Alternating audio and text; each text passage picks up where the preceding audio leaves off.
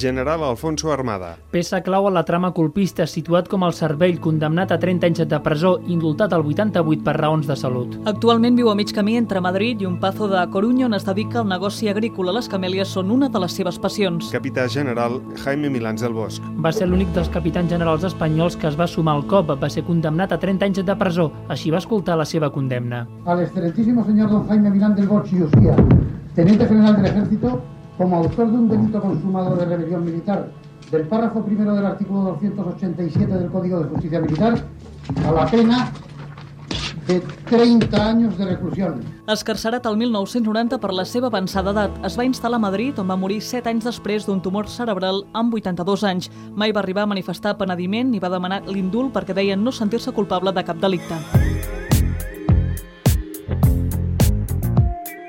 Tinent coronel Antonio Tejero. Condemnat a 30 anys de presó, va ser l'últim colpista escarcerat l'any 96. Viu principalment a la Costa del Sol, a un apartament a Màlaga.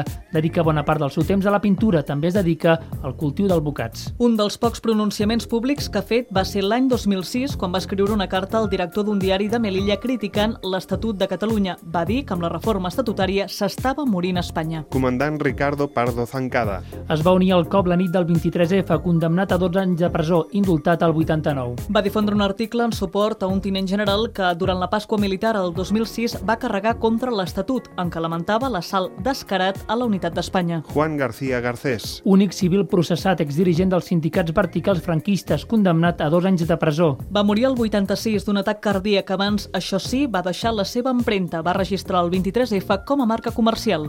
30 anys després, la majoria de tinents de la Guàrdia Civil que van complir condemna pel cop d'estat ja han passat a la reserva i volen donar per enterrat el 23F.